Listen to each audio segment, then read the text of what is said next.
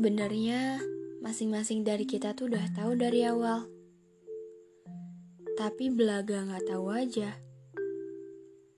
Udah sadar, tapi tetap ngerasa masih butuh kepastian atas harapan yang berpotensi tinggi matahin hati. Aneh ya? Kadang tahu diri tuh jadi sesuatu yang amat sulit kalau terjebak dalam kondisi kayak gini. Ditambah hati sama logika yang gak sinkron. Jadinya bikin dipusingin sama pilihan. Mungkin bertahan sebentar lagi gak apa-apa kali ya. Siapa tahu dia berubah. Atau kayaknya kalau dilanjutin juga bakal percuma deh curhat sana, curhat sini, nanya pendapat, nanya saran, tapi tetap pas mikir sendiri, nimbang sendiri, jatuh lagi di pilihan pertama. Bertahan. Padahal nih, kalau dipikir-pikir, ngebangun hubungan aja belum. Terus, apa yang mau dipertahanin? Sadar gak sih? Mencintai orang yang gak bisa kita milikin itu adalah luka yang kita ciptain sendiri. Udah tahu berduri, masih aja didekap. Udah berkali-kali diminta pergi, masih terperangkap. Gini-gini, mau dilihat dari segi mana pun, tetap kitanya yang salah. Salah menempatkan hati pada rumah yang gak mau dihuni. Terlalu maksain keinginan pada orang yang gak sejalan. Jadi, hati sendiri yang jadi korban. Gitu.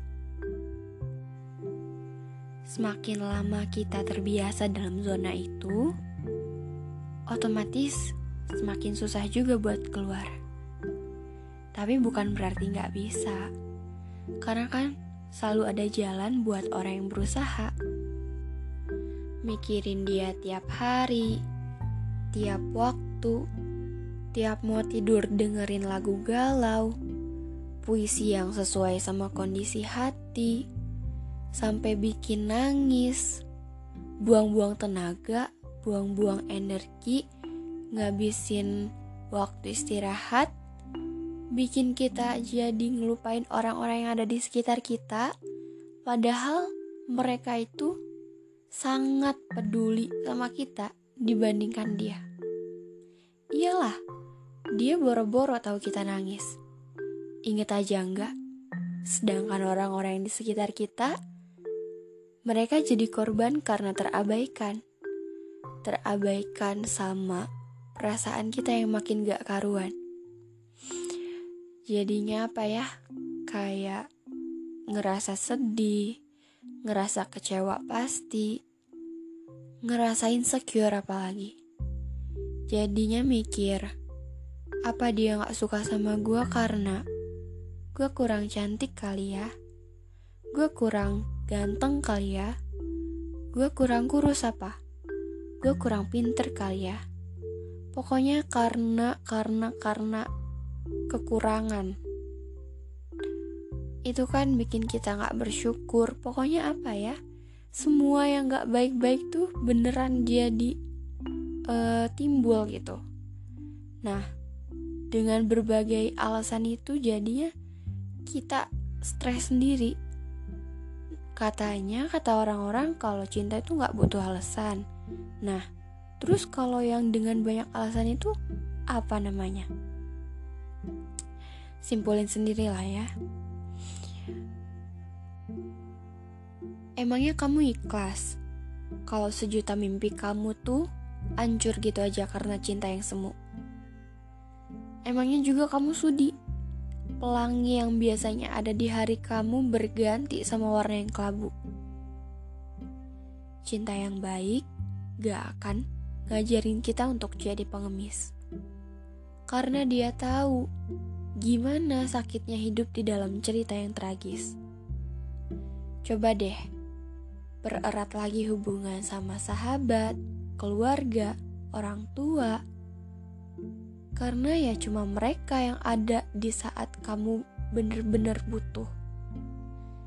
Coba baca novel, buku pelajaran, karena masa depan gak akan ngehianatin kamu kayak dia.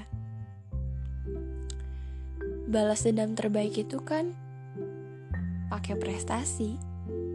Ya walaupun nantinya nggak tahu nih ke depannya kayak gimana. Yang penting kamu udah bisa ngebuktiin kalau tanpa dia kamu masih bisa berdiri. Pokoknya gitu deh. Gak harus sama dia dan gak harus selalu dia. Karena kebahagiaan itu ada di kita. Saat kita ngerasa kalau diri ini berharga dan berguna. Dan itulah kebahagiaan yang sesungguhnya.